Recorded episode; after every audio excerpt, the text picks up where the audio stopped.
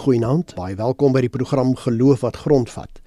In die programme gesels ons oor onderwerpe waaroor gewone lidmate in kerke onseker is en antwoorde soek en hoe dat jou geloof prakties uitgeleef kan word. Ek is Flip Loots en by my verwelkom ek vanaand vir professor Christina Landman, professor in teologie aan Unisa. Goeienaand Christina. Goeienaand Flip en goeienaand luisteraars. Ook welkom aan professor Jan Durant. Hy is outeur van verskeie boeke oor Openbaring in die Bybel en buitengewone professor in Nuwe Testament by die Noordwes Universiteit. Goeienaand Jan. Goeienaand Flip en luisteraars.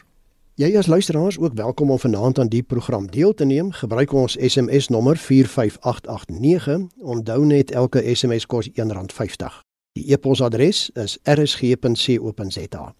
En dan moet jy onthou dat hierdie program nie aan jou as luisteraar voorskrifte gee van presies hoe om te lewe nie, maar riglyne waarbinne jy self keuses kan maak. RSG stem ook nie noodwendig saam met die opinie van enige persoon wat aan hierdie program deelneem nie. Die boek Openbaring is die laaste boek in die Bybel en handel oor visioene wat aan Johannes op die eiland Patmos geopenbaar is. En nou met die COVID-19 pandemie in volle swang om ons in die wêreld, Is daar baie Christene wat meen dat Openbaring heen wys daarna dat ons naby die einde van die wêreld is? Hoe korrek is dit? En hoe relevant is Openbaring vir mense van die 21ste eeu met ander woorde vir jou en my? In geloof wat grondvat, gesels ons vanaand hieroor. Jan, ons is bly dat jy vanaand ook by ons is, 'n kenner van Openbaring. Baie Christene skram weg daarvan om die boek Openbaring te lees vanweë die baie metafore, simboliek en beskrywings daarin wat hulle nie begryp nie. Wat beteken Openbaring? En hoe moet ons die boek verstaan en lees? Flip ja, die woord Openbaring kom van die Griekse woordjie apokalypsis wat onthulling of bekendmaking beteken. Dit was 'n literatuursoort of geskrifte wat veral ontstaan het gedurende die 400 jaar vanaf die Ou Testament tot die Nuwe Testament. En in die tydperk was daar gemeenskappe wat gevoel het die stem van die profeet het stil geword En daarom het hulle die verlossing en redding gesoek buite hierdie wêreldse geskiedenis. En die apokalipse wat geskryf is, moes nou hierdie mense troos en moed gee vir die toekoms. Die gemeenskap was onvergenoeg en het allerlei verwagtinge gehad. Kom ek noem 'n voorbeeld. Die Qumran gemeenskap het hulle heeltemal afgesonder omdat hulle so suiwer was en hulle kon nie meer vrede maak met Jerusalem nie. As jy nou vra oor die simboliek van Openbaring, ja, daar's baie moeilike beelde, maar my beleid is altyd probeer om die groter prentjie te sien en vul dan die kleiner dele daarin. As mense nou oor die simboliek praat, ek dink aan Sion. Sion was die plek waar die tempel gestaan het. En aan die einde kom die 144000 weer by Sion bymekaar en sing die lied van die Lam. Hoekom by Sion? Die rede is God is in sy tempel en dit is om volmaak by God te wees. So kan ons ook oor die verskillende diere, die diere die see, die anti-kris diere die aarde, die valse profeet. Die kerk word later voorgestel as die bruid en die teenoorgestelde, die goddelose as die prostituut Babylon wat met Rome vergelyk word. Om jou vraag te beantwoord oor hoe verstaan ons Openbaring, dan is dit 'n hele mond vol. Uit die geheel prentjie sien ek dat ons praat in Openbaring van God en mens op pad na die einde. En dan is die doel van Openbaring dat in hierdie op pad wees voltrek God reeds oordeel en hy voltrek reeds verlossing. Ons moet dit net raak sien. En die groot doel van Openbaring om te verstaan is dat ons op aarde die alleen heerskappy van God moet erken soos dit reeds in die hemel is. Christina, jy is predikant van die Verenigde Gereformeerde Kerk. Kom ons raak bietjie prakties. Hoe verstaan lidmate in die kerk die boek Openbaring? Flip, ek in die gemeente die afgelope 7 weke, jy's gepraat oor hierdie 7 briewe wat aan die 7 gemeentes geskryf is in Klein-Asië. Dis nou Openbaring 2 en 3. En ons het mooi vir onsself gesê, Jesus Christus het opgestaan en daarna het sy disippels en sy apostels gegaan en sy boodskap verkondig en heel vroeg was daar gemeentes gewees daar om die Middellandse See en hulle het hulle eie probleme gehad. Baie van hulle probleme is ook ons probleme, maar baie van hulle oorwinnings kan ook ons oorwinnings wees. Ek het agterna uitgevind dat baie van die lidmate was eintlik skrikkerig toe hulle hoor dat ons gaan oor Openbaring praat en dat daar nou allerlei geweldige groot en hoë taal gepraat gaan word wat hulle nie gaan verstaan nie, maar uiteindelik dink ek het ons almal baie troos gekry uit Openbaring omdat ons kon praat daaroor dat God is die God van die lewe. God is nie God van die dood nie. En deur Jesus Christus kan ons kies vir die lewe hier op aarde en na die dood. So daardie was toe vir ons baie sinvol uiteindelik, maar jy kan nie net kerk toe gaan en iets mooi vrooms uit Openbaring preek nie. Jy moet regtig oplees. So dit is regtig groot werk om oor Openbaring te preek. Jan, wie was die skrywer van Openbaring en in watter omstandighede skryf hy die boek? En miskien kan ek hier byvoeg vir wie was of is dit bedoel? Die skrywer van Openbaring is een van die groot geheime. Een van die teorieë is dat dit Johannes die apostel was. 'n Ander teorie is dat dit Johannes die rondreisende profeet was. As ek preek, dan sê ek Johannes en ek bly daarby. En dit is gerig aan die sewe gemeentes in Klein-Asië. Dit is nie sewe briewe nie. Dit is sewe briefboodskappe in een bundel. So almal se boodskap is by al die gemeentes gelees wat nogal sin maak dat soos Christina ook mooi gesê het, dit stem baie ooreen met ons omstandighede. Nou hierdie sewe gemeentes in Klein-Asië wat in die vorm van 'n perdehoef lê, het baie probleme gehad in 'n vreemde omgewing moes hulle Christene wees. Hulle was eers heidene, toe het hulle baie van hulle Jode geword, proselietmakery en toe het van hulle Christene geword. En toe hulle Christene is, toe word hulle kultureel uit die sinagoge weggejaag omdat hulle bely het dat Jesus die Messias is. Aan die begin van die Christendom het die Jode die Sambreel gevorm waaronder die Christene ook vergader het. Hulle was ook godsdienstig heeldag aangeval, die Christene aan wie die brief geskryf is. Omdat hulle 'n goedkoper godsdiens as die Jode het, daar's nie 'n wet nie, daar's nie 'n besnydenis nie ensovoorts. Die hele situasie was haglik. Dit plaas Openbaring in 'n besondere raamwerk. En as 'n mens by hoofstuk 1 begin, dan wil Johannes eintlik net sê, ek wil vir julle deel maak van hierdie verhaal. Dis julle verhaal en soos Christina ook gesê het, dis nog ons verhaal vandag ook. Word ons deel van Openbaring en dan kan ons hom verstaan. En in die eerste hoofstuk sê hy ek het 'n gesig gehad van die verheerlikte Christus en jou plek as kerk, as gelowige is aan die voete van die verheerlikte Christus, die opgewekte Here. Dit is so bemoedigend en met daardie raamwerk kan die lesers dan nou verder gaan lees. Christina, jy het nou nog net gesê dat dit nie so maklik is nie, dat bietjie moeilik raak nogal vir predikante om uit Openbaring te preek. Maar nou die vraag, hoe groot is die gevaar vir predikante veral om willekeurige verduidelikings en toepassings te gee van wat daar geskryf staan in Openbaring? Kyk, die briefboodskappe wat aan hierdie gemeentes gerig is wat vandag in Turkye is. Ek het gevind dat die mense het tog heelwat daarmee in gemeen en dat daar 'n klomp dinge is wat mense daar kan preek wat vir ons mense wat in baie moeilike omstandighede is, in omstandighede sê maar van armoede of van eensaamheid of van uitgeskop voel eintlik uit die samelewing en sukkel om te oorlewe. Dat daar boodskappe is wat hulle baie na in die hart lê. Kan ek een voorbeeld noem? In een van die briefboodskappe word daar aan 'n gemeente beloof dat die môre ster vir hulle gegee sal word. En die môre ster is wel dis Jesus Christus self. Ek dink in Openbaring 22 ja. noem hy homself die môre ster, sê ek is die môre ster. So die môre ster word aan jou gegee. En die môre ster is iets wat kom net voordat die dag breek. En uiteindelik het die gemeente vir mekaar op die gemeente WhatsApp begin 'n boodskappe stuur as iemand baie swaar gekry het. Onthou net, na die môre ster kom die dag breek. Die môre ster Jesus Christus kondig die dagbreek aan. Dis 'n voorbeeld. Ek het ook al in my lewe horribale preke oor Openbaring gehoor. As ek weer 'n voorbeeld mag noem, is toe my ouma oorlede was. Sy was uh, nie in dieselfde kerk as ek nie.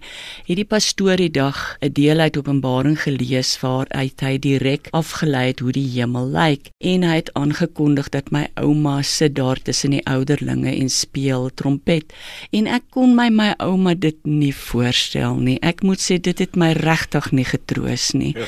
Maar daar's baie troostwoorde in Openbaring waaroor 'n mens kan preek wat jou hoop gee. Dit is RSG met die program Geloof wat grondvat. Ons gesels vanaand oor hoe relevant is die Bybelboek Openbaring vir vandag. My gaste is professor Christina Landman en professor Jan Durant. Jan gedagtig aan Johannes se eerste teikengroep met Openbaring. Behoort Christene van vandag hulle te steur aan wat daar geskryf staan? Met ander woorde, dink jy regtig dis nog relevant vir vandag?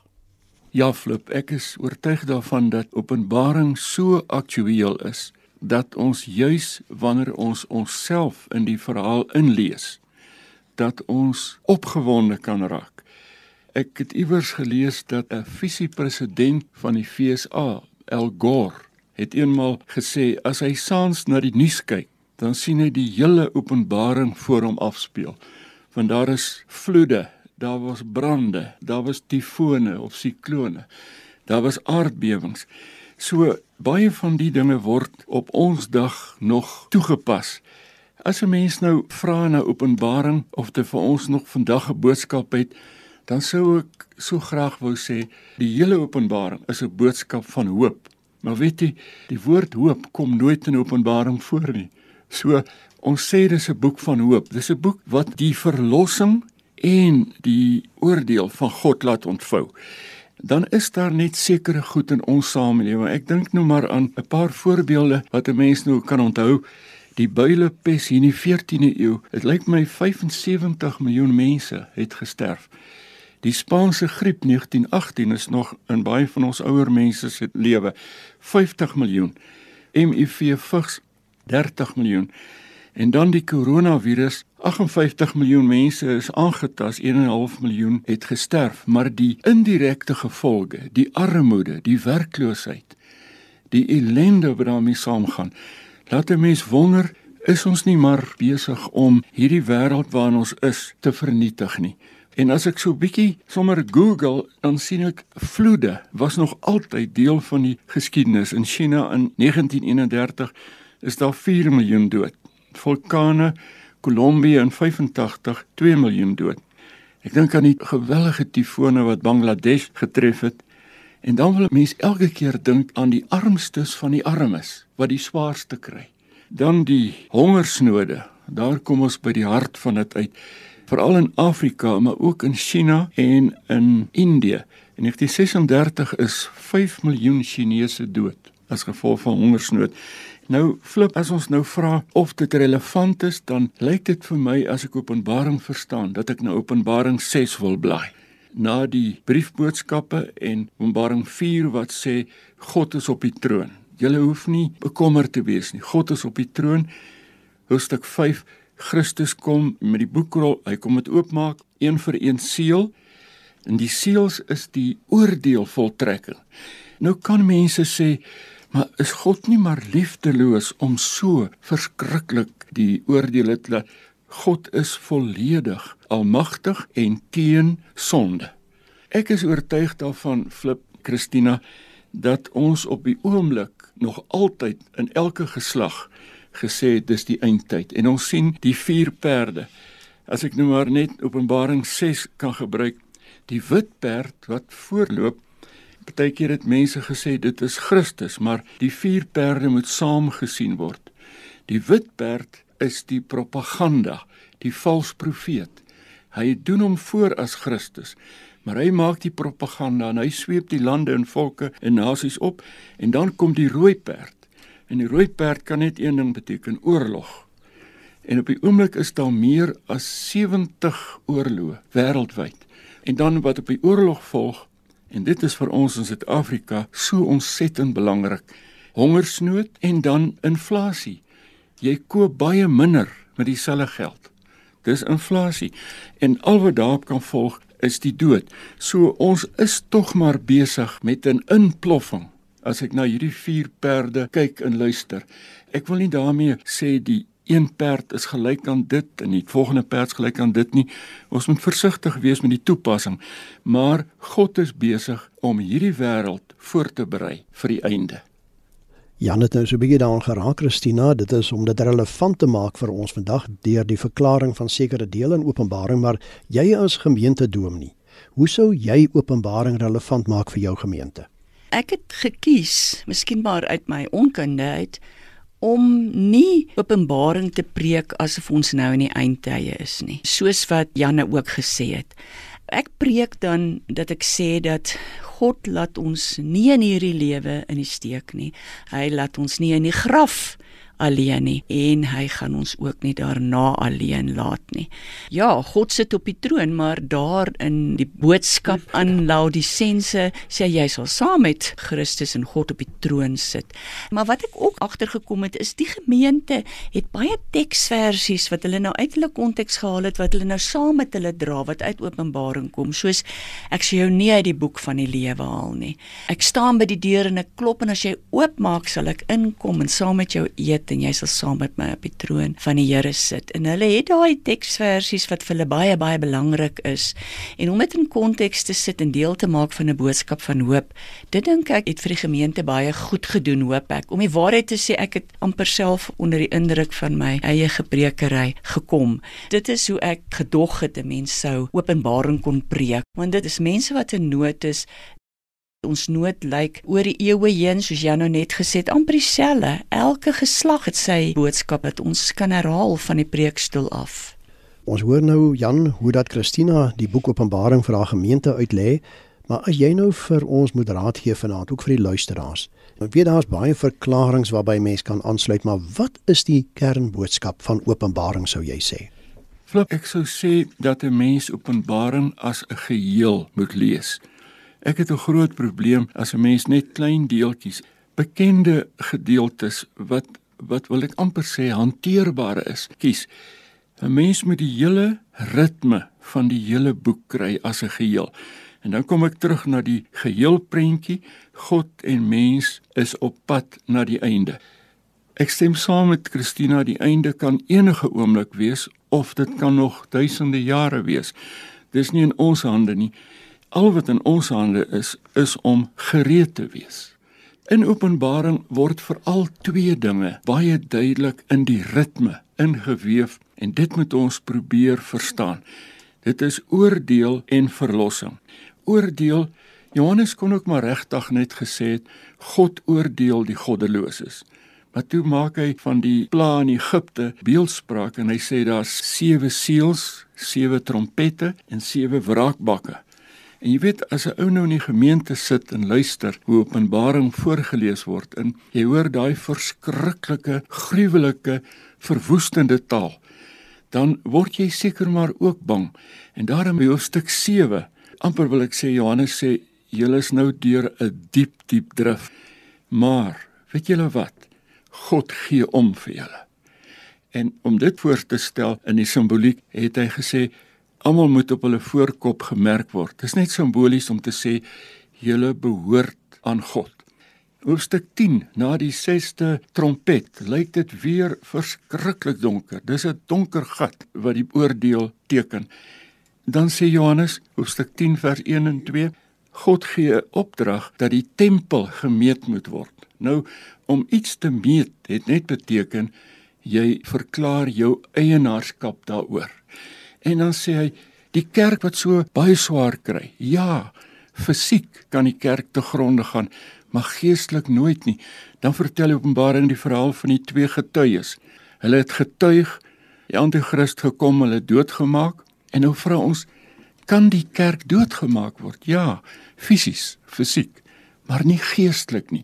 En dan word die twee persone opgewek so dadelik skep die hoorders moed daar is vir ons moed vorentoe en daar is 'n toekoms.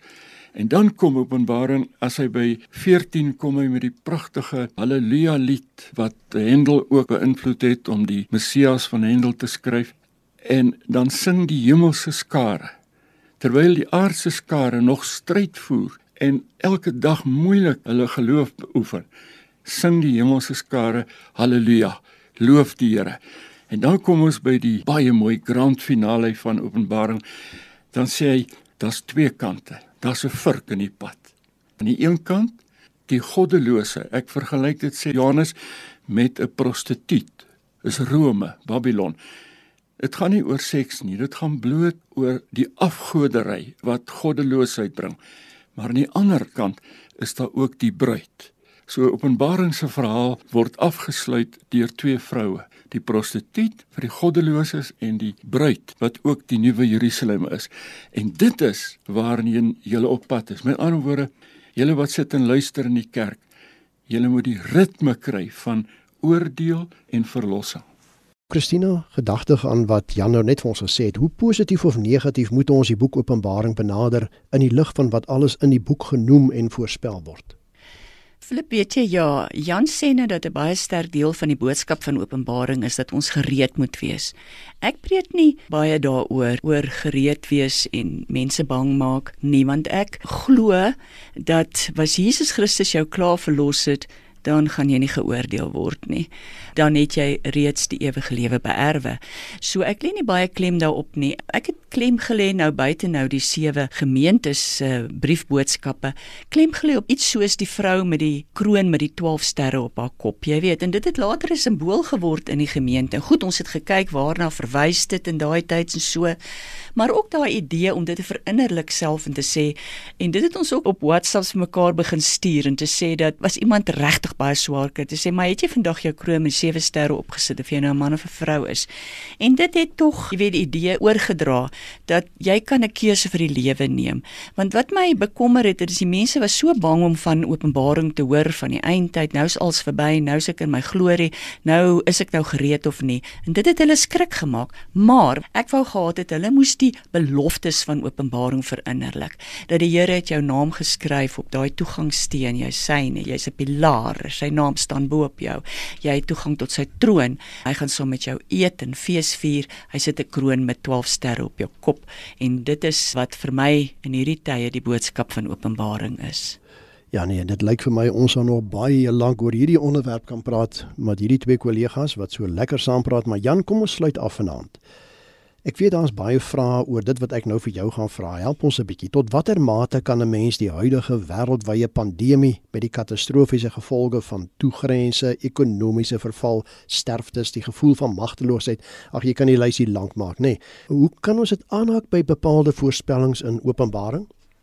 As 'n mens Openbaring as geheel lees en probeer verstaan, dan lyk dit vir my baie duidelik dat die hele Openbaring fokus op die eindtyd. En elke geslag het nog in sy tyd die eindtyd ervaar. Daarom moet mens versigtig wees om sekere gebeure te verbind aan dit. Maar kom ons kyk nou na die siektes of iets soos die koronavirus. Wat is die doel daarvan? As 'n mens dit deur God se bril, deur Openbaring bekyk, dan sou ek sê dit is 'n besondere bekendmaking dat God op pad is na die einde. Dit is ook met vigs HIV dieselfde en met al hierdie aardbewings. Ek wil nie sê nou is die einde baie naby nie, maar al daardie dinge dra by tot die groot prentjie. En dan wil ek afsluit om te sê Openbaring gee vir jou uitsig weet as ou in die bosveld verdwaal moet jy so gou as moontlik so hoog as moontlik kom om terug te kyk en vorentoe te kyk. Hy gee vir jou uitsig en insig gee vir ons hede. Uitsig gee insig. Soos die korona het ons tot stilstand gedoen. Ek dink ons kon duidelik weer onsself oriënteer. Ons is op pad na die einde. Ons het die God se almag en op die troon sit raak gesien En ons het ook die mens se broosheid, se onvermoë raak gesien. Die mens bly belangrik vir God, maar God is die Almagtige.